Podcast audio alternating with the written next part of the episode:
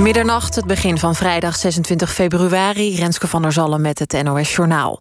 China neemt in harde woorden afstand van de motie waarin de Tweede Kamer de behandeling van Oeigoeren tot genocide bestempelt. China vindt het opzettelijke laster en grove inmenging in een binnenlandse aangelegenheid, zegt de ambassade in Den Haag. De Kamer zou volkomen voorbij gaan aan de feiten en gezond verstand. Een brede Kamermeerderheid ziet het anders. De partijen baseren zich onder andere op de rapporten van de VN, mensenrechtenorganisaties en berichten in de media. De SGP haalt het standpunt over het weren en uitroeien van afgoderij en valse godsdienst niet uit haar beginselprogramma. Dat zei lijsttrekker Kees van der Staaij vanavond in Nieuwsuur. De opvatting van de partij verwijst naar artikel 36 uit de Nederlandse geloofsbenijdenis. Daarin staat dat de overheid alle afgoderij en valse godsdienst moet weren en uitroeien. Dit staat haaks op de vrijheid van godsdienst zoals in de grondwet is vastgelegd. Van der Staaij noemt niet precies om welke religies het gaat. De voormalige coach van de Amerikaanse Olympische turnploeg wordt officieel beschuldigd van mensenhandel en seksueel misbruik. Tegen hem zijn 24 aanklachten ingediend. De 63-jarige John Gaddard leidde de Amerikaanse turnsters in 2012 naar de Olympische titel. Hij wordt er nu van beschuldigd dat hij jonge turnsters heeft gedwongen om te trainen bij hem, waarna hij ze verbaal en fysiek zou hebben mishandeld. Koning Willem-Alexander en de komende premier moeten wegblijven bij het wereldkampioenschap voetbal in Qatar volgend jaar. De Tweede Kamer wil deze boycott omdat de golfstaat zich schuldig maakt aan ernstige uitbuiting. Er zijn al meer dan 6500 arbeiders omgekomen bij de bouw van stadions en andere werkzaamheden voor de WK, is gebleken na onderzoek van de Engelse krant The Guardian. Het weer. Vannacht trekken de meeste regenwolken het land uit en daarna volgen opklaringen. Het koelt af naar 2 tot 7 graden. Morgenochtend hangt in het zuidoosten nog enige bewolking. Elders schijnt de zon al uitbundig. Het wordt zo'n 10 graden. Dit was het NOS Journaal. NPO Radio 1. VPRO. Nooit meer slapen.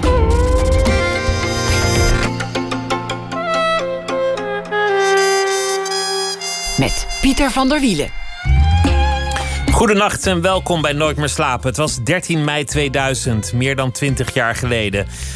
En na een brand bij een vuurwerkopslag in Enschede ontplofte een hele wijk. 24 doden waren er te betreuren. Over die ramp en vooral de nasleep ervan maakte Pieter Fleury, die tegenover mij zit, een film. De titel De Waarheid.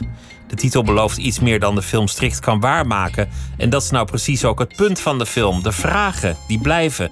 Hoe kon dit nou gebeuren? Wie had dit eigenlijk moeten voorkomen? Wie draagt verantwoordelijkheid? Een echt bevredigend antwoord is er niet helemaal gekomen. Natuurlijk, er waren strafzaken, er waren debatten, er waren rapporten. En alle betrokkenen vertellen daar uitvoerig over op camera. En niemand lijkt ooit vrede of rust te hebben gevonden. Pieter Fleury is filmmaker. Hij maakte films over de meest uiteenlopende onderwerpen. Over China, over Korea, over Japan. Hij maakte een documentaire over Ramses Shaffi, over het NOS-journaal. Je noemt het. En hij werd geboren in 1955. Hmm. Pieter, hartelijk welkom. Hallo. Dank dat je gekomen bent. Ja.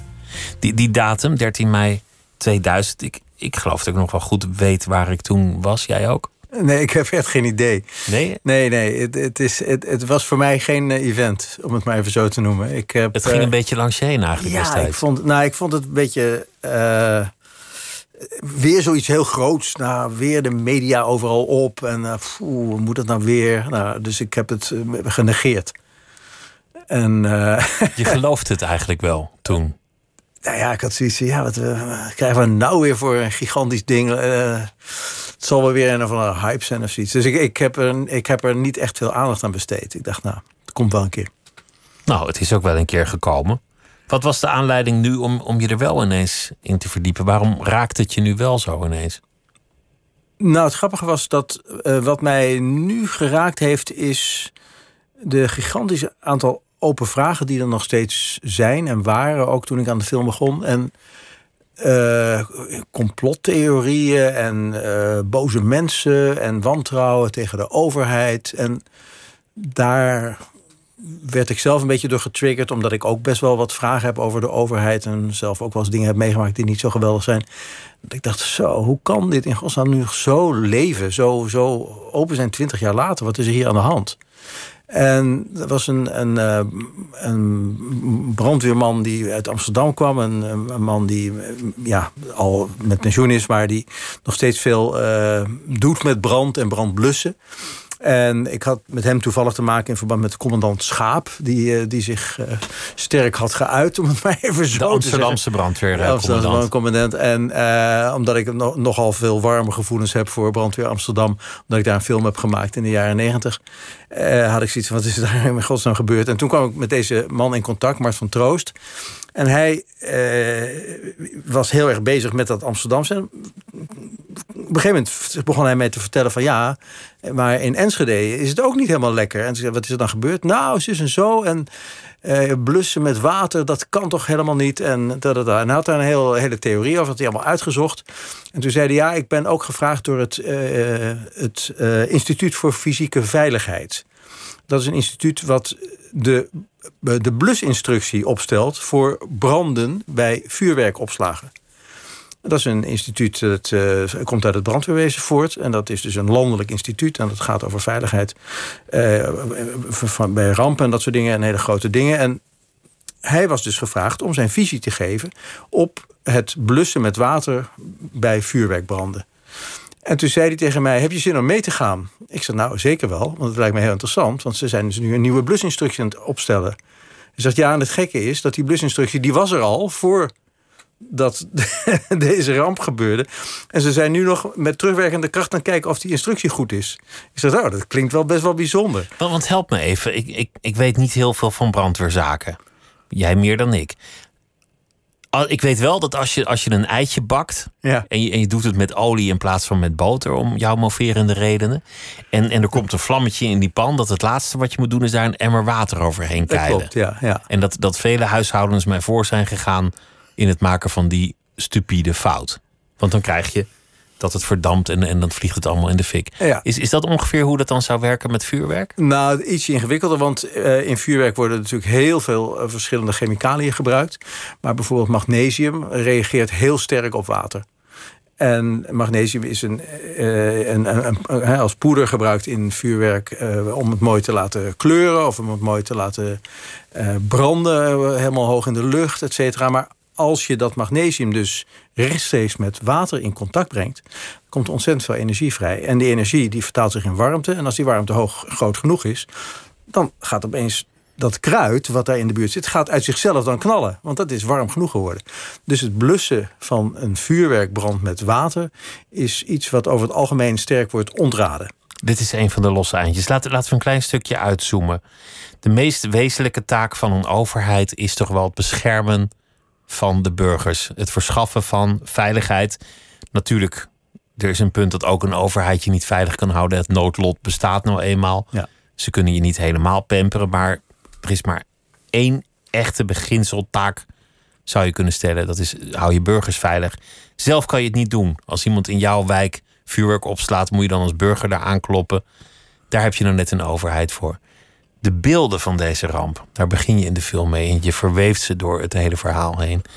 Als je ze terugziet, is, is dat zo gigantisch. Die klap die daar heeft plaatsgevonden. Een hele wijk is gewoon weggevaagd. En er stond een menigte te kijken, toegesneld om ja, ook eens een brandje te kijken. Zo gaat het volgens mij bij elk brandje wel. Die zie je op een gegeven moment zie je, zie je dat ze er niet meer op afkomen, maar dat ze denken: dit gaat echt mis. Ja. We, we moeten de andere kant op rennen. We moeten maken dat we hier wegkomen. Ja. En sommigen waren niet op tijd. Dit, dit is echt reusachtig, deze gebeurtenis. Klopt.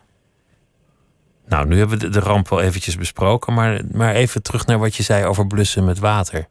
Er is nog iets, want, want de eigenaar van deze opslag, die uiteindelijk ook veroordeeld is, die zegt bijna terloops dat de brandweer al die containers die er stonden mm -hmm. open heeft gezet. Dat verbaasde mij. Kijk, hij is een van de ooggetuigen geweest. Maar hij heeft ook belangen. Hij probeert zichzelf vrij te pleiten natuurlijk. Dat weet ik niet. En misschien vertelt hij wat er gebeurd is. Dat kan heel erg goed zo zijn. Maar het kan natuurlijk ook zijn dat hij zich vergist. Of dat hij, ja, om hem moverende reden... dat uh, op een bepaalde manier vertelt. Dus om nou te zeggen dat wat hij zegt waar is, dat is lastig. Maar het is zelfs in een brandweerrapport verschenen. Dus de brandweer zelf heeft in één bepaald rapport gezegd dat er door hun deuren zijn opengezet. Dus het klopt dat er in ieder geval door de brandweer iets is opengezet. Of alles is opengezet, dat weet ik niet helemaal zeker. Maar het is wel heel gek natuurlijk dat die brandweer die deuren heeft opengemaakt. Want ja, je zou zeggen als ze dicht zijn, dan kan er geen vuur naar binnen. Maar ook dat is weer niet helemaal waar. Want er was het gaat over bunkers, maar er was een verbinding gemaakt tussen twee bunkers. Doordat er een leiding was gelegd en daar was een gaatje. En dan kan de warmte gewoon door dat gaatje van de ene naar de andere bunker. Dus ja, het is zo'n ongelooflijk complexe uh, materie hoe dit allemaal heeft kunnen ontstaan. En uh, er zijn een aantal organisaties als TNO, et cetera, die hebben daar ongelooflijk nauwkeurig onderzoek gedaan met alle. Zelfs met reconstructies, reconstructies op de Ja, precies. En de commissie Oosting heeft dat zeer nauwkeurig, zelfs tot in een animatie toe laten uitwerken om te laten zien hoe dat nou allemaal gegaan is. En er is een groot gat over het allereerste begin van het vuur. Dat weet eigenlijk niemand. Althans, er zijn Hoe de brand ontstaan is, dat weten we niet. Ja, we noemen het eerste vlammetje. Dat, dat is nou ja, misschien wel bij mensen bekend, maar die mensen die hebben ze nog niet gemeld. En uh, vanaf dat het op een gegeven moment is gaan branden, dan is het wel redelijk duidelijk hoe dat allemaal is gegaan. En wat eerst en wat daarna. En toen op een gegeven moment gaat het ontzettend snel. En binnen seconden klappen er dan allemaal containers met waanzinnige hoeveelheden vuurwerk uit elkaar. En dan is het gewoon niet meer te houden. Eerst gaat het heel hard knetteren, dan klinkt het nog als vuurpijlen. En op een zeker ogenblik is het één reusachtige explosie. Waanzinnige explosie. Waanzinnig. En het is, het is ook waanzinnig dat het gefilmd is van twee kanten. En dat materiaal hebben we gebruikt. En dat, ja, we hebben dat in chronologische volgorde zo gemonteerd... dat je daar als kijker in mee wordt genomen... terwijl mensen hun verhaal vertellen. Dus het is best wel gek, dat contrast tussen dat stille van het verhaal... als iemand praat... en dan vervolgens dat harde van die knallen en van die explosies. En daardoor, denk ik, komt ook heel goed tot zijn recht dat, dat het waanzinnig was. Als het in de menselijke maat is dat je daar woont, dat je opeens die knallen hoort. Het is ongelooflijk, moet het geweest zijn. Eén getuige die je, die je hebt gesproken voor deze film, die was achteraf, mag hij daar gelukkig om zijn, op vakantie toen het gebeurde. Ja. Zijn huis is volledig verdwenen met zijn exotische vogels. Die man heeft een aantal jaar daarvoor bezwaar aangetekend bij de gemeente. Ja tegen de komst van dat vuurwerkbedrijf of de aanwezigheid van dat vuurwerkbedrijf. In een woonwijk. Dat zegt, ja. Hij. Ja, dat zegt hij heel mooi. En um, wat is jouw vraag? Waarom is daar niets mee gebeurd? Hoe kan het dat, dat een burger dat heel helder ziet van god, er zit hier midden in een woonwijk een vuurwerkopslag. Waarom wordt zoiets genegeerd? Hoe kan dat? Nou, heel simpel. Omdat de ambtenaren die daarnaar gekeken hebben, naar dat bezwaar, die hebben gezegd: ja, dat doet nu niet de zaken, want dat gaat over de uitbreiding. Maar deze vergunning is alleen maar voor dit onderdeel. En ja, het bevindt zich nou eenmaal op een industrieterrein. Dus dan komt dat bezwaar komt niet aan. Formeel hadden die ambtenaren misschien nog wel gelijk ook daarin. Ja, zo is het. Het bestemmingsplan zei industriegebied, daar mag dat. En dat is, de commissie Oosting heeft dat ook zo beoordeeld. Dat het op zich uh, niet gek was om bezwaar te maken. Maar dat uiteindelijk als je de bezwaar helemaal zou doortrekken tot aan de, de, Raad van State. Dat het dan niet zou slagen. Dus dat de ambtenarij dat goed heeft beantwoord. Iedereen heeft in die zin correct gehandeld aan die kant. Zou je kunnen stellen. Dat, dat was ook, geloof ik, in grote lijnen de, de conclusie van de commissie Oosting. Nee, nee, commissie Oosting die is veel harder. Die zegt dat ze wel, wel degelijk grote fouten hebben gemaakt. Kijk, die, de commissie Oosting die zegt... de eigenaren die hadden moeten weten wat ze in huis hadden. Heel simpel. Ook al stonden alle nummertjes er goed op, et cetera... hadden ze moeten weten dat het risico wat ze bij elkaar verzamelden... door zulke krankzinnige hoeveelheden eh, op dat kleine stukje grond te brengen, dat dat gewoon een te groot risico was. Dat, noemden ze professionele verantwoordelijkheid. Correct. Maar ook bij de overheid leggen zij allerlei schuld. Dus de vergunningen die waren toch uiteindelijk niet goed afgegeven. Er hadden bouwvergunningen moeten worden verleend die niet zijn verleend. Eh, er hadden checks moeten zijn van de deuren die niet goed sloten. En uh, ja, Defensie heeft ook wel heel erg veel laten liggen. Dat is, ja, het raar is, Defensie is een soort van eh, eiland. Want daar kan je überhaupt niet iets over zeggen. Dat is best wel bijzonder. Maar die gaan over explosieven, dus ook over vuurwerk. Ja, het was wettelijk zo geregeld dat Defensie moest keuren... of dat wat er allemaal gebeurde, zeg maar zeggen, in, in die opslag qua vuurwerk... of dat explosie technisch, of dat allemaal gevaarlijk was of niet. En die gaven dan een advies aan de gemeente en de gemeente nam dat over. Wilde iedereen zomaar met je praten? Lukte dat? Ja. Makkelijk? Heel goed, ja. ja. Ja Hoe kan mensen- dat? Is dat de tijd die ervoor zorgt dat ze nu wel allemaal voor camera willen verschijnen? Ja, ik denk dat dat het allerbelangrijkste is. En ik denk dat ze. eh, ik heb ook aangeboden dat ze hun eh, materiaal mochten zien. Hè, voordat het eh, definitief in de film zou komen. Dus dat, dat de quotes die ik van hun wilde gebruiken, dat ze daarna mochten kijken. En dat gaf natuurlijk veel vertrouwen. Dat ze dachten, nou oké, laten we dan de opname maar maken. Dan zien we later wel of we het vrijgeven. En dat is eigenlijk in vrijwel alle gevallen helemaal goed gegaan. Dus eh, wij hebben, ja, ik, was wel heel zenuwachtig toen ik ze één voor één uitnodigde van, goh, mag ik het nu houden? Want als ik het niet hou, dan valt het allemaal als een bouwwerk in elkaar waar de steentjes uitgetrokken worden. Maar godzijdank vond iedereen het eigenlijk mooi en goed. Dus eh, ja.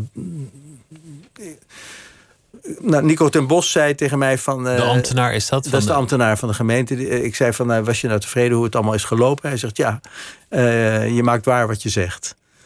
Dus ik heb hem dat beloofd en daar heb ik hem totaal in meegenomen. En hij heeft alle vrijheden gekregen en hij voelde zich daarmee veilig en hij vond het goed.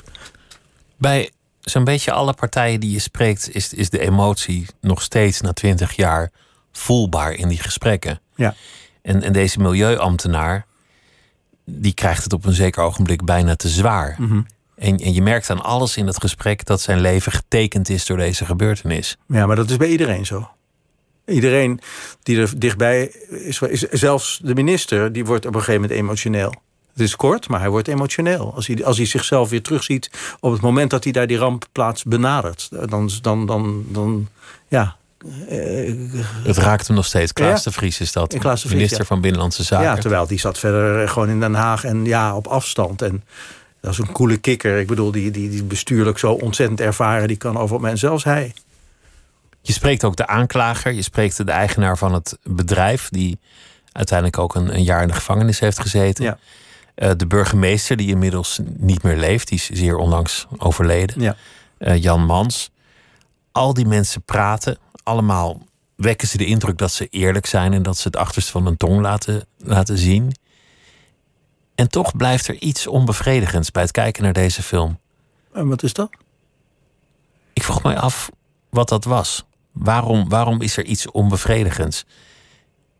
Omdat je uiteindelijk er niet helemaal achter komt waar nou die verantwoordelijkheid ligt. En, en omdat uiteindelijk niet echt iemand die verantwoordelijkheid heeft gedragen. Ja, en dat, dat, ik ben benieuwd of je, hoe, hoe jij daar zelf nou ja, te- tegenaan kijkt. Omdat het ook je beginvraag was hè? Van, van het functioneren van de overheid. Ja. Kijk, waar het mij om gaat is dat we ons realiseren dat we ons land zo hebben ingericht. Dat er ruimte is om verantwoordelijkheid te nemen en ook om hem niet te nemen. En ik, ik hoop dat bij het zien van die film of daarna... dat je gaat bedenken van ja, is dat nou de ruimte die we eigenlijk willen scheppen? Is dat nou zo verstandig om het zo te doen? Of moet je een strakkere afrekencultuur... of moet je een veel meer menselijke samenleving maken... waarbij mensen niet zo bang voor, voor fouten... en dus voor schuld en voor straf worden. Ehm, maar eh, wat voor mij in ieder geval duidelijk is... is dat het feit dat dit heeft kunnen gebeuren... toont dat de structuur zoals we hem hebben... eigenlijk niet helemaal klopt natuurlijk.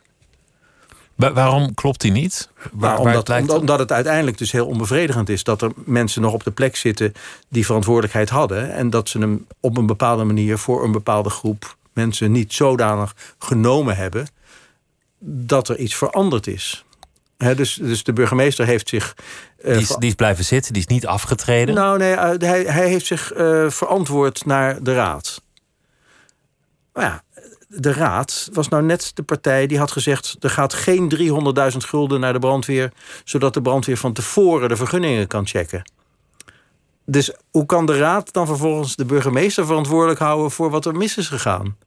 Ze hebben zelf daar een partij ge- geblazen. Dus dat is best wel een gek systeem dat we dat zo inrichten. Natuurlijk, dat is de volksvertegenwoordiging en zo, zo zou je het willen doen. Maar als dit kan gebeuren, dan denk ik, dat is het toch niet helemaal goed. Een bijkomende complexiteit is dat er eerder, niet eens zoveel, heel eerder, een, eh, negen jaar daarvoor, Ja. een andere vuurwerkramp had plaatsgevonden. Mhm. Die gelukkig veel beter afliep in Culemborg. Maar daar was een rapport verschenen. Ja, het liep in zoverre niet zo goed af dat er ook doden zijn gevallen. alleen niet een woonwijkweg was. Maar was natuurlijk ook nog best wel heel erg heftig en ernstig. Maar dat werd eigenlijk door de meeste mensen toen gezien als een bedrijfsongeval. Uh, ja, dat zou kunnen. Dat is natuurlijk ook een mooi woord. Maar het, wa het was natuurlijk best wel heel verschrikkelijk wat daar gebeurd is. En het was ook een gigantische klap. Ja. En daar is ook heel veel lering uitgetrokken. En dat is ook allemaal opgeschreven. Ja, en dan, uh, dan wordt er dus gezegd dat het rapport in de la is verdwenen. In de spreekwoordelijke la. Want ja, niemand wist van het bestaan. Nou ja, dat is dus eigenlijk maar de vraag. Kijk, dat is natuurlijk goed. Hè? Als, het, als het er niet is, ja, dan kan ik het niet weten. Maar ja, misschien was het er wel. En had je het wel moeten weten. Dus ik weet helemaal niet of het nou in die la is verdwenen. ik bedoel, in, in, in Overijssel is eind jaren negentig een onderzoek gedaan door een bepaald bureau. Een inventarisatie van alle risicobedrijven. Waarom wordt dat onderzoek nou gestart? Misschien was het wel zo dat dat Culemborg-rapport wel degelijk bekend was en had geleid tot een bepaalde actie. Want het, was, het waren vier ministeries en nog een of andere overkoepelende dienst die allemaal aan dat rapport hadden gewerkt. Dus men was ontzettend zich bewust van wat er gebeurd was in Culemborg op, op het hoogste niveau. En men wist dat verdomde goed. Dat klinkt een beetje als een politieke verwoording zoals je die wel eens in debatten hoort. Dat je, dat je niet weet wat je niet weet en daarom ook niet verantwoordelijk kunt zijn voor je onwetendheid. Nou ja, ik wil het alleen maar schetsen als een scenario wat mogelijk is. Net zo goed als dat het mogelijk is dat het inderdaad wel in een la is verdwenen.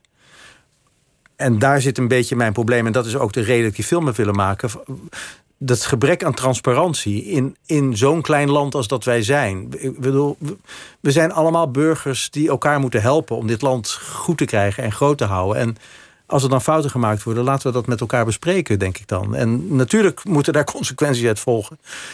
Maar door het te verhullen krijg je wantrouwen. En dat is ontzettend stom. Want dan krijg je eh, remming en dat mensen zich gaan storten op het openmaken van, van, van de situatie. Kost allemaal energie, kost allemaal geld en iedereen gaat dat weer tegenhouden echt totaal verspilling. Het pijnlijke in deze zaak is dat, dat ambtenaren uiteindelijk oog in oog met justitie kwamen te staan. Ehm, ja, persoonlijk, mhm. als, als individu. Ja. Zonder dat ze iets echt crimineels hadden gedaan. Het was niet dat ze, dat ze corrupt waren gebleken of wat dan ook. Ze hadden mhm. misschien hun werk niet goed gedaan. En dat de burgemeester geen politieke verantwoordelijkheid nam. Dat is natuurlijk eigenlijk een beetje een onwerkelijke situatie. Dat individuele ambtenaren de prijs moeten betalen en het bestuur niet. Strikt formeel klopt het, want je, je hebt gelijk, de raad oordeelde anders. Ja. Ja, en dat, dan, dat, is, dat is, je verwoordt wat mij betreft heel mooi, omdat ik graag de discussie zou willen aanzwengelen met deze film of het, het kunnen scheiden van het formele verantwoording afleggen tegenover het gewoon menselijke, uh, of we dat niet te veel uh, ja, eigenlijk misbruiken. Want daardoor blijft er dus een stuk onvrede bestaan bij de burgerij in dit geval.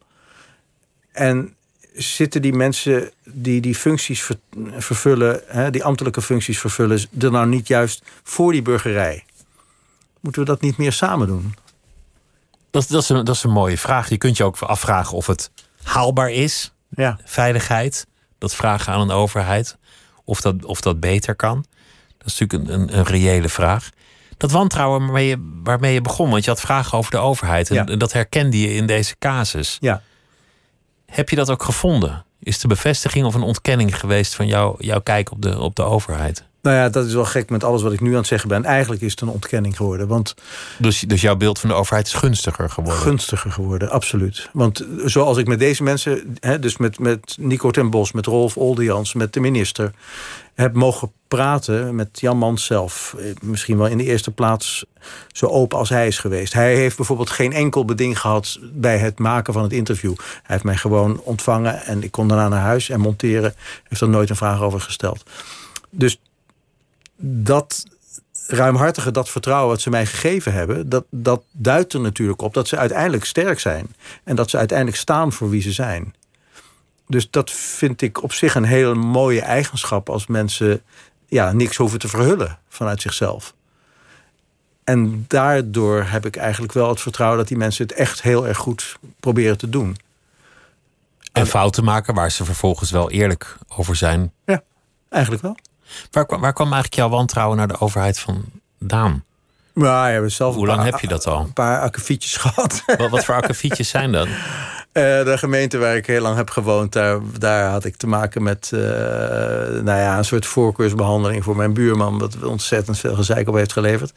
En eh, uiteindelijk is dat ook rechtgezet door de Raad van State. En dan denk ik, ja, jeetje, Maar de Raad jarenlang. van State, dan ben je, dan ben je flink hoog geklommen. Ja, en dat heeft ook jaren geduurd en heel veel geld gekost. En vooral heel veel onzekerheid en, en, en, en ongemak. En uiteindelijk was dat dus van eenzelfde soort makelij als, als hier in Enschede. Dat je, je hebt gewoon te maken met mensen aan de andere kant van het loket. En er wordt gewoon niet normaal met elkaar gesproken. Niet menselijk. Nee, niet menselijk en ook niet kwetsbaar. Dus er worden een aantal dingen worden weggehouden. En, en, en eh, ja, je, er wordt geen medewerking verleend. Er worden dingen ver- verstopt of vertraagd. Dan denk ik, jeetje, hou op. Laten we dan gewoon eerlijk zijn tegen elkaar. Ik, ik, ik ken een verhaal van iemand die een rechtszaak had met zijn buurman. En die won, glansrijk. De rechter zei, je hebt volledig gelijk. En daarna veranderde er helemaal niets. Aha. En met dat vonnis zwaaiend liep hij naar zijn buurman en zei... De rechter zei, nou ja, niks. Maar de gemeente die zei, ja, ja, god, ja, het zal wel. Aha. Was dat bij jou ook zo? Ehm, Vergelijkbaar? nee, de gemeente heeft toen wel gereageerd. Toen de rechter eenmaal gehamerd had. Zeker weten. Ja, ja, ja. Maar goed, eh, Maar jij hebt daar dus, dus een zeker, nou ja, zekere argwaan of een gevoel over de rechtsstaat en overgehouden. Of over, over het openbaar bestuur. Ja, over het openbaar bestuur vooral. Omdat ik dacht van ja, jullie zitten daar eh, achter glas. En eh, je zit er voor mij. Hoe kan dat? Dat, dat? dat we niet gewoon met elkaar over deze zaak kunnen praten op een oprechte, open manier. En dat vond ik heel moeilijk. En toen dacht ik, ja, in deze situatie... want dat was het begin van het verhaal... dat ik met die Mart van Troost meeging... naar het Instituut voor Fysieke Veiligheid. Dat ik zei van, mag ik dat filmen? En toen zeiden ze nee. En toen dacht ik, ja, dat is wel wat raar. Dit is toch openbaar? Wat, waar, waar is dit voor? De blusinstructie. Dat moet er gefilmd kunnen worden. En dat ging dus ging de deur dicht. Dus toen dacht ik, nou, dan wil ik er wel wat meer van weten. Toen, toen werd jouw nieuwsgierigheid eh, geprikkeld. Dat is wel interessant. Je hebt zoveel films gemaakt en daardoor ook je kunnen bewegen in heel veel werelden. Mhm. Je zei, ik heb een, een, een bijzondere fascinatie voor de brandweer. Ja. Want, je- want je, hebt, je hebt vrij diep je, je verdiept in het brandweerwezen om daar een film over te maken. Ja. De training ook mee, meegelopen en zo. De rechtspraak zou ik van kunnen beweren dat je daar ook wel een, een band mee hebt. En daar Zeker. ook veel van af weet. Ja, zeker. Ja. En ook, eh, ook wel eh, eh, heel veel fascinatie voor heb. Ja. Want je hebt daar een film over gemaakt, maar je hebt ook daarna deelgenomen aan een traject waarbij nieuwe rechters geworven worden. Klopt. Ja, En zes, dan- zes jaar in de selectiecommissie gezeten. Voor eh, rechters, ja. Wat, wat heeft je dat geleerd? Eh, interviewen. Op een andere manier dan je normaal zou doen. Eh, Ja, eh, je wil dan weten of iemand geschikt is voor, eh, voor die functie. Of, hè, daar probeer je een beeld van te krijgen. En dat betekent dat je dus die mensen heel erg ja, de positieve kans moet geven natuurlijk. Want het is wel de bedoeling dat ze er komen. Dus eh, dan, ja, kijk, wij deden die, die- gesprekken die worden gedaan met eh, een binnenlid en een buitenlid. Je zit met z'n tweetjes. Het binnenlid is een rechter en een buitenlid is nou ja, of een burger die helemaal niets met het juridische te maken heeft, zoals ik, of een advocaat, et cetera. Dus ik zat altijd met een rechter die gesprekken te voeren. Steeds andere rechters. En die mensen hebben zo'n fantastische vraagtechniek.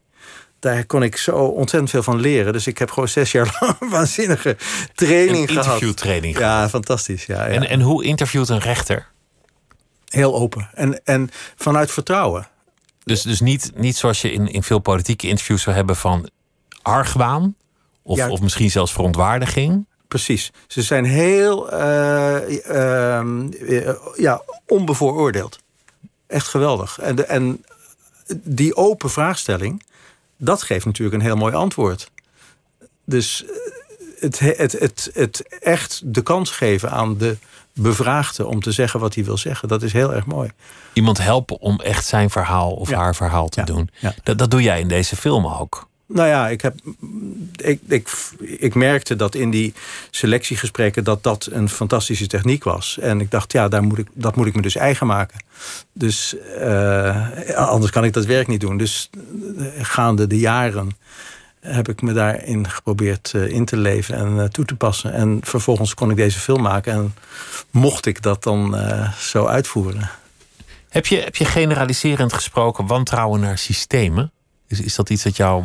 Nou, geen wantrouwen naar systemen, maar wel fascinatie voor systemen. Fasci wat, wat is die fascinatie? Ja, oeh. Ehm, nou, ik kijk, ik.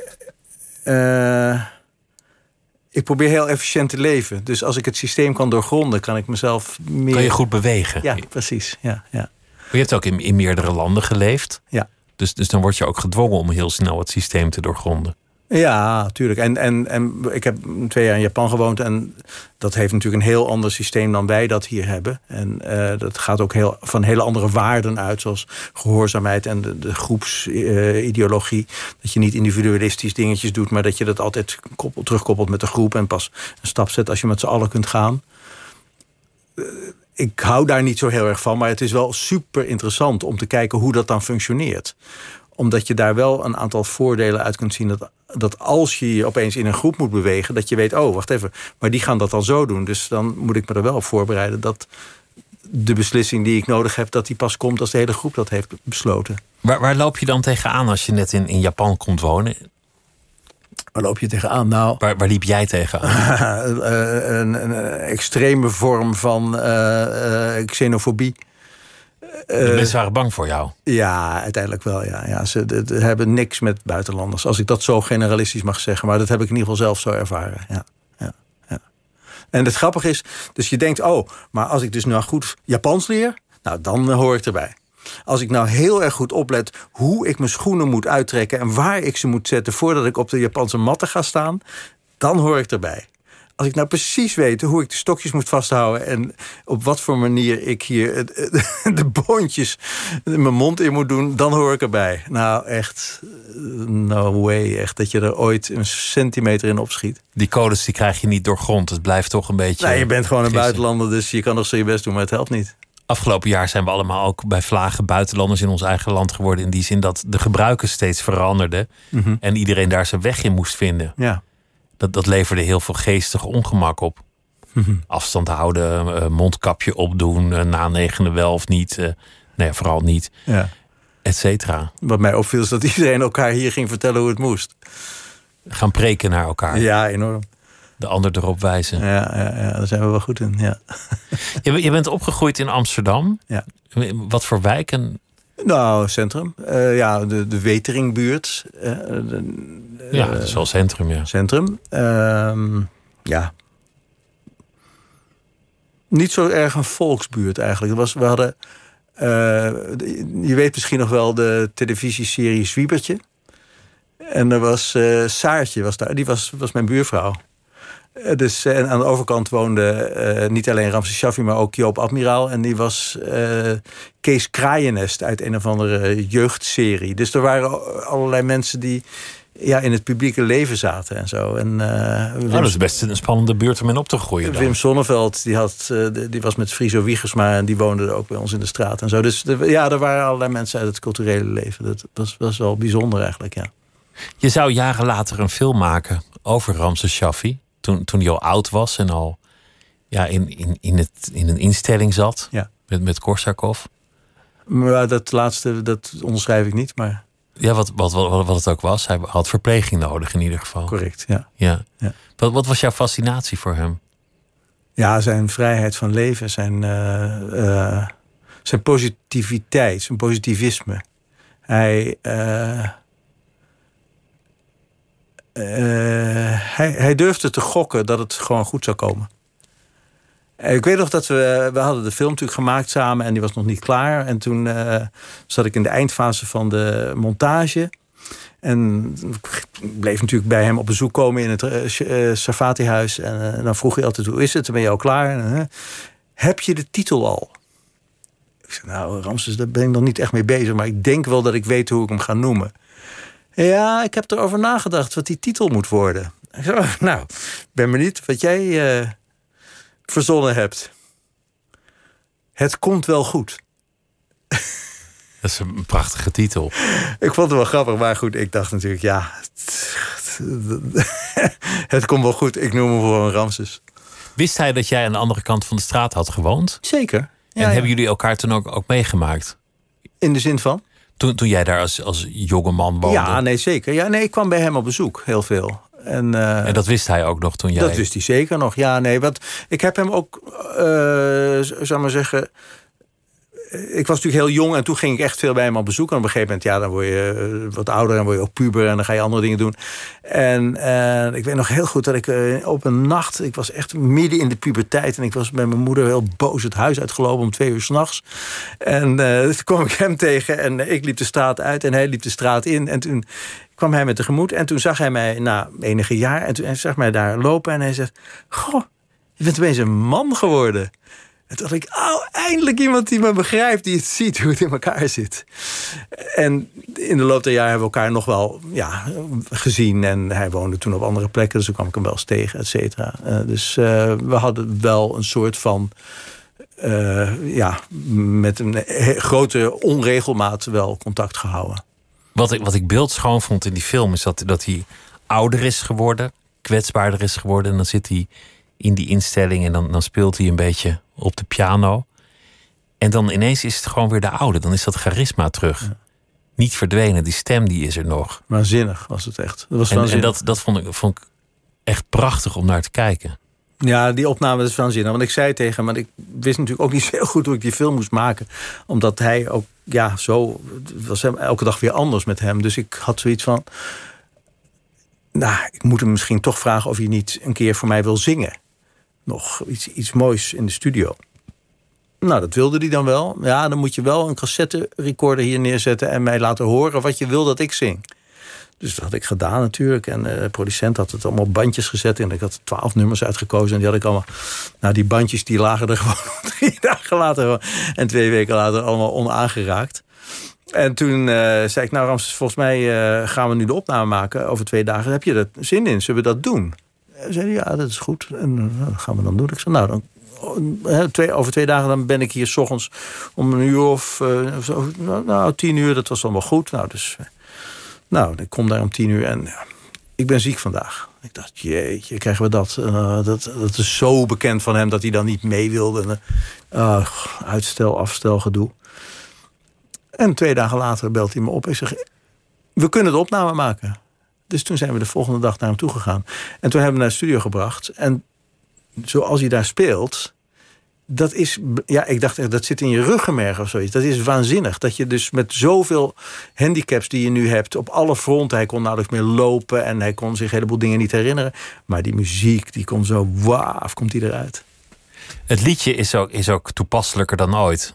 We, ontkomen er niet aan nu met, met avondklok en alles. Als je het over hebt om het te draaien. Het is stil in Amsterdam. Ja, voor mij mag het. En, en er wordt geklaagd dat het niet stil genoeg is in Amsterdam. Maar volgens mij als je er nu rondloopt op Ja. dit tijdstip... is het echt heel stil in Ik had gisteravond, eh, ik stond even buiten en ik dacht, wauw, dit is echt fantastisch. We gaan luisteren naar Ramses Shaffi.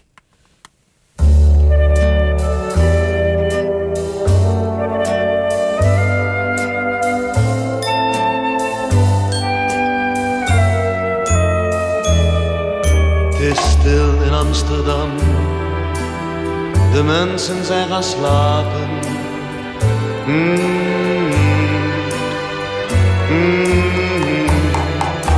De auto's en de fietsen zijn levenloze dingen.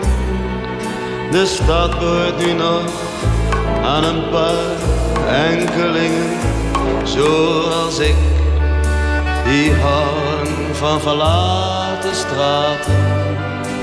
Om zomaar hardop in jezelf te kunnen praten. Om zomaar hardop te kunnen zingen. Want de auto's en de fietsen zijn levenloze dingen. Want de mensen zijn gaan slapen. Mm-hmm. Mm-hmm. Mm-hmm. Het is zo stil in Amsterdam. En dank, niemand die ik tegenkwam. Oh, oh, oh, het is stil in Amsterdam. de mensen zijn gaan slapen. Mm, mm. Ik steek een sigaret op en kijk naar het water denk over mezelf en denk over later.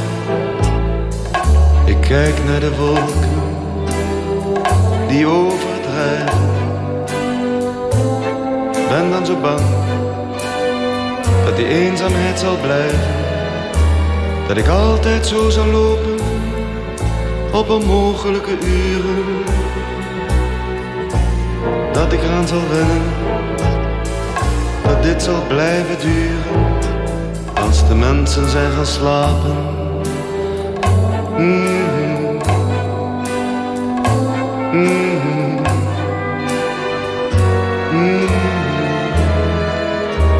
Het is zo stil in Amsterdam.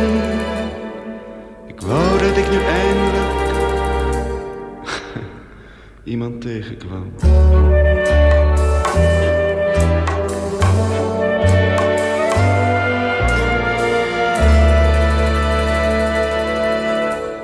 Ramses Shaffi, het is stil in Amsterdam. Pieter Fleury zit tegenover mij, groeide op in dezelfde straat waar Ramses Shaffi toen woonde.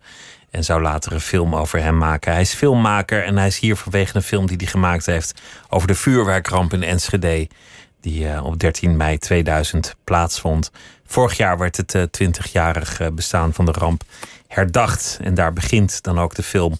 Een film die gaat over eh, de publieke ruimte, over de overheid. Hoe doen we dat eigenlijk met elkaar, burgers en boven ons gestelden? En eh, kijken we elkaar eigenlijk echt aan als het eraan komt eh, op wie de verantwoordelijkheid draagt. Je vertelde ook iets over ehm, dat je in Azië hebt gewoond. Ja. Je, je hebt eigenlijk best een wonderlijk leven eh, geleid, want je, want je hebt in meerdere landen gewoond. Je bent ook fotomodel geweest in, uh, in Japan, was het geloof ik. Ja. Hoe je daar dan weer verzeld raakt. En productieassistent bij de, bij de productie Soldaat van Oranje. Ja. En als je het hebt over grote Nederlandse filmklassiekers, dan hoef je niet verder te zoeken. Dan heb je hem. Dat is Soldaat van Oranje voor mij, bij uitstek. Ja, dat is Er zijn er misschien meer. Ja. Hoe raakte je daar nou weer verzeild? Nou, dat was ehm, niet zo ingewikkeld, want Nederland was toen, toen best wel een beetje klein. En ik zat op de filmacademie en de, deel van de opleiding was dat je een stage ging lopen. Dus ik, uh, ja, ik had de neiging om uh, op de filmacademie achter het telefoonschakelbord te gaan zitten. Dat vond ik gewoon leuk. Dus toen op een gegeven moment belde... Wat is een telefoonschakelbord voor nou, de ja, dat, dat is gewoon de, de, de, de, hoe zeg je dat, de centrale. Dus als er iemand opbelt van buiten, dan nam ik op. en dan vroeg iemand van, uh, ja, kunt u me doorverbinden met de directeur of met dit of dat of dat. En dan deed ik dat. Ik vond het gewoon grappig. Dus ik af en toe ging ik daar gewoon zitten. En toen belde uh, iemand op van het uh, productiekantoor van uh, Matthijs van Heiningen, de filmproducent. En die zei, ja, ik ben op zoek naar stagiaires. Ik zei, nou, dan ben je aan het goede adres. Dus toen heb ik mijn stage geregeld voor een film van Nuska van Brakel. Die heette Het Debuut. Dat was haar debuut en dat was ook dus mijn debuut. En ehm, de regieassistent die ik toen assisteerde was Hans Kemna. En Hans die had toen al deel 1 van de opname met Paul Verhoeven gedaan. En na het debuut ging hij door met deel 2. En hij vroeg mij om mee te gaan met hem. En wat moest je dan doen op, op die set? Oh, rennen. Gewoon rennen, dingen heen en weer. Regel, ja, ja. We noemden dat vroeger uh, indianen. Dus die, die functie dat je alles, uh, al het kleine grut moest je regelen. En, uh, mensen naar huis brengen. Dolf de Vries, de bekende acteur. moest ik dan om half zes ochtends ophalen. En dan s'avonds aan het eind van de, van de lange draaidag moest ik hem weer naar huis brengen. Uh, ja, uh, veel figuranten regelen en zo. Uh, stonden in Den Haag met de 1100 figuranten. En er kwamen twee vliegtuigen aan. En het, de coördinatie was verkeerd gegaan. En Paul Verhoeven stond bovenop op het gebouw aan de Alexanderstraat. En het was, was net, dat kwam de auto geloof ik met, weet ik veel wie... met, ehm, nou ja, met, met de hoofdrolspelers, weet ik veel. En dat vliegtuig, dat kwam, die kwamen te vroeg. En toen ging het mis. En toen gooide Paul zijn megafoon vanaf de derde verdieping van het dak of zo op straat. En toen moest het over. En, en toen hoorden wij allemaal over de walkie-talkie uh, Rob Houwer zeggen... Paul, mijn geld is op.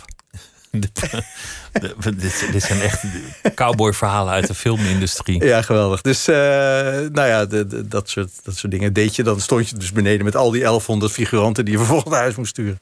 En welke rol had Dolf de Vries ook alweer? Zit ik ja, dat was een van de studenten. Uh, was, was hij niet eigenlijk degene die symbool stond voor de gewone Nederlander en de hele oorlog aan zijn scriptie bleef werken? dat weet ik niet meer zeker. En dan dat in, de, in, de, tuin stond en eh, in zijn kamerjas en zei: Wat, wat een kabaal. Kan de mensen niet eens rustig werken? Dat zou heel goed bij hem passen, die rol. Dat, volgens, volgens mij was, was dat het. Een fantastische film. Ja, hij is net overleden. Hoe, hoe ben je eigenlijk op het idee gekomen om, om de film in te gaan of, of om, om filmmaker te worden? Nou, dat kwam omdat ehm, mijn moeder die, uh, had een nieuwe vriend. Uh, en die bracht bij ons de televisie in huis. En ik keek met deze man samen s'nachts naar Amerikaanse speelfilms.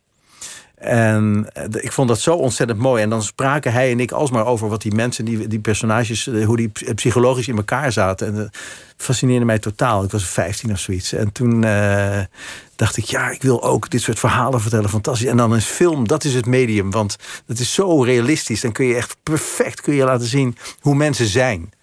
En dan kan ik iedereen een spiegel voorhouden. Nou, dat is natuurlijk een tekst die ik toen niet dacht. Maar dat, dat was wel wat ik, wat ik bedoelde. En um, toen dacht ik, nou, ga naar de filmacademie. En zo is het ook gelopen. Was het dan ook met die Amerikaanse films dat daar, dat daar een soort nieuwe horizon het huis in kwam? Dat de wereld groter werd of, of dat daar het avontuur lonkte? Mm, niet zo, maar het feit dat er een televisie kwam, dat was eigenlijk meer die nieuwe horizon. Want, dat was een heel grote gebeurtenis. Ja, dat was, we hadden niet eens een wasmachine, dus uh, dat was best wel bijzonder. ja, ja. Wat, wat, voor huis was het verder? Was, was het, was het een, een eh, nou, uh, ja, een, een, mooi een wevershuisje in de derde Wetering Dwarsstraat. En uh, verder heel klassiek. Mijn moeder die had een antiekwinkeltje. Dus wij hadden, ja, ik was echt omgeven door allerlei prachtige meubels en, en ceramiek. En veel kunst in huis. Dat was wel heel erg leuk. Maar het was ook wel een beetje een bende. Onopgeruimd bedoel je? zeg dat maar wel, ja. Of bedoel je ook een bende in, in sociale zin? Uh, was niet erg stabiel, nee, nee dat klopt. Ja, ja, ja.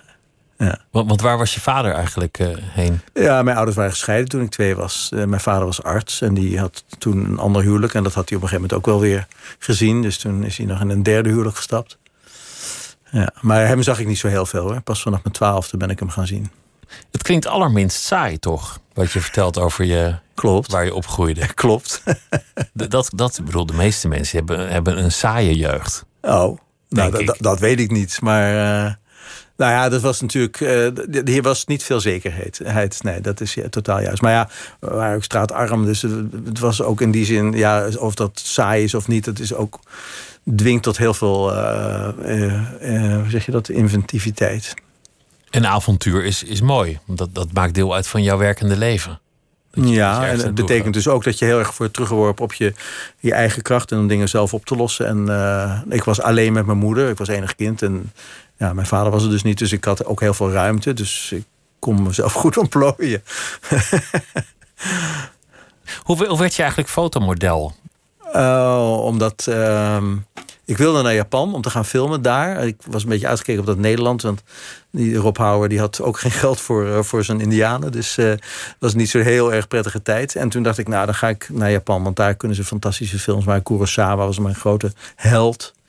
En uh, toen leerde ik een meisje kennen. En die was daar, Nederlands meisje, die was daar fotomodel. En die zei, jij moet fotomodel worden, dan kun je geld verdienen. En toen had zij voor mij geregeld dat ik een contract kreeg met een foto agency in Tokio. Zodat ik een visum kreeg om te werken. En toen dacht ik, nou, teken het. You never know. En toen kwam ik daar en toen zei ze, ben jij model? Nou, dat zien we niet aan je. Dus dat lukte helemaal niet. En toen heel toevallig via de Nederlandse ambassade notabene kreeg ik mijn eerste klus. En toen begon het te lopen. En waarvoor moest je dan model staan? Waarom wilden ze dan Europeanen hebben? Nou, er zijn natuurlijk allerlei producten zoals uh, golfkleding, wat aanvankelijk niet Japans, uh, een Japanse sport was. Of uh, ja, ik heb ook een hele gekke foto van mezelf dat ik als een soort soldaat van Buckingham Palace op, op het metrostation sta met mijn been opgetrokken. En dan hebben ze daar een animatie onder gemaakt dat er daar kauwgom onder zit. En dat in het Japans, als je zegt Bukingam, dat betekent verboden om kauwgom neer te gooien. En dat was dus een campagne om aan te tonen van... En dan moest dus een, ja, een buitenlander als Buckingham soldaat zijn. Dus eh, dat, soort, dat soort rare dingen kreeg je te doen, ja. Hoe, hoe lang ben je daar gebleven? Twee jaar. En ik heb dus van het geld dat ik verdiend heb toen mijn eerste film gemaakt. Dat was eigenlijk de, de bigger picture. Goh, het avontuurlijk bestaan. In Noord-Korea heb je ook nog eh, avonturen beleefd. Mm, Ja, avonturen weinig, maar ik ben er wel geweest, ja. En we hebben, we hebben daar gefilmd, eh, ja, met, moet zeggen, heel erg prettig samengewerkt. Klinkt een beetje stom, maar... eh, Met- Met, met de autoriteiten ja, bedoel je? ja, ja, ja. Want eh, de eerste, eerste keer was ik, eh, mocht ik komen om een contract te sluiten. En dat hadden we dus gedaan. En toen hadden we een aantal dingen afgesproken. Nog een beetje over gefaxt. En toen kwamen we voor de opname. En gewoon streed uitgevoerd. Van beide kanten. Dat is een andere tijd. Ik denk dat dat nu niet meer zo makkelijk zou gaan. Ik kom nu alsmaar niet binnen, helaas. Dus dat blijkt. Ja, ik ben voor het laatst in 2016 geweest. Dat is nog best recent trouwens. Ja, dat is best recent. Maar ehm, het is zo ontzettend strak geworden nu weer. Het is echt helemaal moeilijk. Wat is je fascinatie voor Noord-Korea? Eh, nou, eh, dat je dus denkt, ja, hoe kan het dat mensen eh, gewoon leven terwijl alles verboden is? Hoe kan dat? Waar zit de ruimte? Waar, waar zit het stukje waarin ze hun geluk vinden? En dat, eh, dat is er zeker. Het zit ook in mijn film. Hè. Die mensen gaan tussen de middag even een spelletje doen. En dan zijn ze heel blij. Dus ze, ze, ze kennen wel geluk. Maar eh, ja, ik denk dat dat toch zit op een heel gek naïef niveau... waar ze, nou ja, even in vrijgelaten worden. Ik las laatst weer dat eh, het derde netwerk... dat is een radiodistributienetwerk... wat is in alle huizen verspreid. Iedereen heeft zo'n radiodistributie eh, speaker in zijn huis. En lokaal wordt daar nieuws op verspreid. En dat gaat zo ver dat ze dus lokaal mensen bij de naam noemen die dingen fout hebben gedaan. Dus je bent ongelooflijk eh, dichtbij, komt dus de overheid met jou te vertellen wat je niet goed gedaan hebt. Dan word je in de buurt met naam en toenaam Gaat schande over- gezet. Over, door die speaker, over het radiosysteem. Dus jij weet dat al jouw buren weten dat jij een, een sigarettenpeuk op de grond hebt gegooid. En toch me- wennen mensen eraan, schijnbaar lijkt het. Nou, ze overleven. Ze overleven, meer is het eigenlijk niet. Nou, dat is afschuwelijk. Gaat, het, gaat het weer over de verhouding tussen burger en staat in, een- in een zeer extreme... Ja, ja, en dat was ook wel het onderwerp van die film. Ja, ja, ja, ja. Is een onderwerp dat, dat vaker terugkomt bij jou? Hoe, hoe leven mensen samen? Hoe richten we dat eigenlijk in? Nou ik ben groot geworden in Amsterdam, wat zich eh trachtte te onttrekken aan de ehm, eh, oude waarden. Hè. Na de Tweede Wereldoorlog werd daar een nieuwe staat geboren, Kabouters. En eh, veel rellen en het tergen van de macht. En ehm, dat heeft mij altijd wel eh, gestuurd om heel kritisch te blijven kijken naar de, de werkelijke waarden waar we voor staan en waar we mee bezig zijn om op te bouwen. Dus ik eh, probeer heel erg. ehm, ja, vooral kritisch naar mezelf te kijken. Van eh, ben ik wel goed bezig?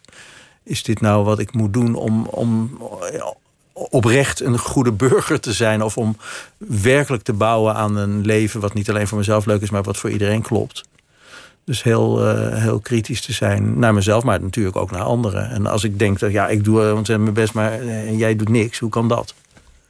Dat, dat is wel interessant wat je zegt, want, want in die tijd, de jaren zestig, zat er heel veel idealisme in. Ja.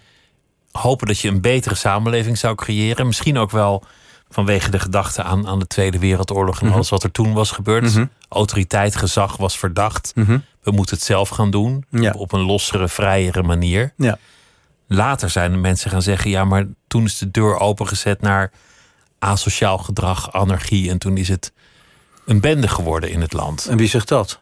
Nou ja, daar werd op een gegeven moment heel erg afgerekend met wat ze noemden de geest van de jaren 60 en 70. Fortuin zei dat soort dingen bijvoorbeeld. Uh, nou ja, ik denk dat de vertrutting wel heeft toegeslagen weer in Nederland nu.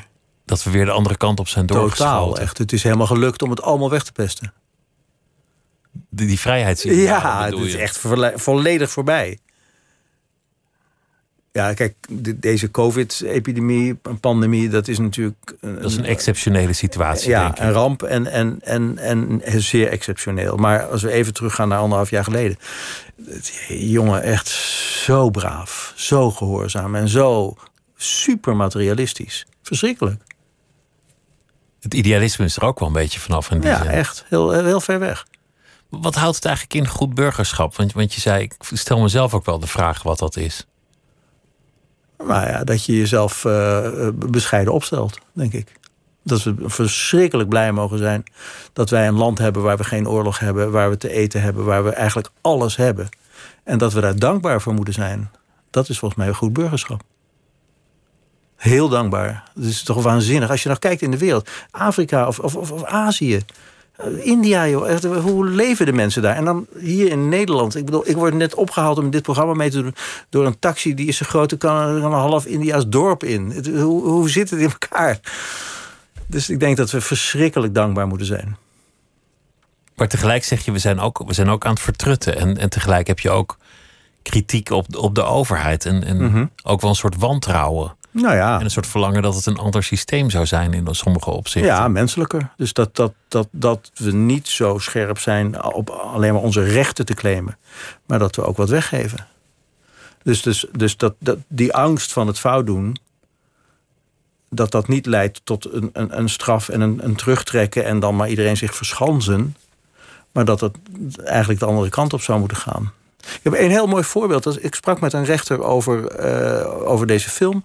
En ik zei van ja, eh, wat natuurlijk aan de hand is, is dat als er zo'n grote serie fouten is gemaakt, zoals bijvoorbeeld in Enschede toch duidelijk gebeurd is, dat, dat heeft iedereen erkend die daarmee te maken heeft, dan wil men ook vergelding.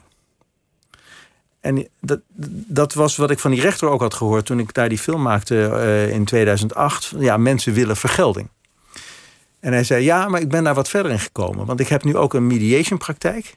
En daar heb ik heel vaak mensen die het slachtoffer zijn van een misdaad. Maar dan heb ik de dader er ook bij. En dan is opeens die vergelding, dat versmelt helemaal. Want die mensen die zitten tegenover elkaar. En ik zeg, nou wauw, dit is echt fantastisch. Want ik weet dat dat gebeurt en ik weet dat dat zo werkt. Maar het feit dat dus je zo'n heel sterk gevoel van, van haat en wraak... dat je daar gewoon in je geest van af kunt komen... doordat je Door elkaar het in de ogen te kijken, door iemand aan te kijken. Ja, en dat met elkaar eh, echt op te lossen. Dat betekent dat er natuurlijk nog heel veel mogelijk is als het gaat over onze maatschappelijke verhoudingen. Dat als we niet zo bang voor elkaar zijn en niet elkaar willen straffen en steeds maar ja, de minister willen wegsturen omdat hij een foutje maakt en, het allemaal willen afrekenen. Koppen snellen, zegt eh, meneer Oosting. Ja, dan, dan daar, als we die ruimte met elkaar weten te vinden, dan krijgen we denk ik een andere samenleving. Maar het is wel moeilijk natuurlijk. Want dat is gebeurd in de nasleep van die, van die vuurwerkramp. Mensen wilden een verantwoordelijke zien. Iemand moest dat leed dragen, die Ja. verantwoordelijkheid nemen. Daardoor schoten een hoop dingen in een soort kramp, waardoor we niet helemaal erachter zijn gekomen waar het hem nou zat. Ja. Als, je- als je die vraag ook kan beantwoorden, dat het heel duidelijk op één plek zat. Ja. Dat, misschien is dat ook wel gewoon niet zo. Misschien is het het, het noodlot, of hoe je het ook noemt. Nou ja, Oosting heeft gezegd... er zijn een heleboel mensen en partijen verantwoordelijk... voor wat hier gebeurd is. Het is niet één vent. Het is het, eh, of één vrouw. Het, het, is de hele, het is de keten, de, de, de, de groepsverantwoordelijkheid. Heeft, heeft deze film de mensen die hebben meegewerkt misschien geholpen? Dat ze een verhaal een keer hebben kunnen doen op camera? Heb, heb je dat gemerkt? Ehm, nou, ik denk meteen aan Nico ten Bos, aan die gemeenteambtenaar. Die zei, toen hij de film terugzag, zei hij eh, van... ja, het, raakt me nog steeds heel erg... maar nu minder dan toen ik de opname deed. En dan denk ik, ja, misschien is het wel zo... dat het eh, enigszins heeft kunnen leiden tot een eh, ja, finale... beleving en dat hij dan een stap heeft kunnen maken. Dat hoop ik voor hem. Dat, dat zou hem gegund zijn. De film is eh, gemaakt eh, in opdracht van eh BNN Vara. Nee, geen opdracht. Maar in ieder geval wordt hij uitgezonden door Ja, BNN Vara. Zeker weten, ja. ja. Wa- Wanneer gebeurt dat? Dat is morgenavond om kwart over tien op NPO 2. Over de, de vuurwerkramp. Pieter Fleury, dank dat je langs wilde komen. Het was echt een genoegen om met je te spreken. Dank je wel. En dank jou heel erg voor alle tijd en aandacht. En morgen is er weer een eh, aflevering van Nooit meer slapen. En dan zit op deze stoel Lotje IJzermans. En uh, straks kunt u luisteren naar uh, Miss Podcast met daarin de greatest hits van februari. Goeienacht.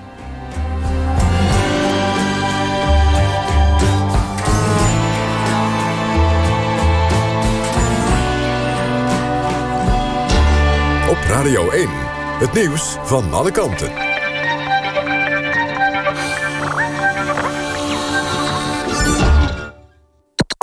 NPO Radio 1.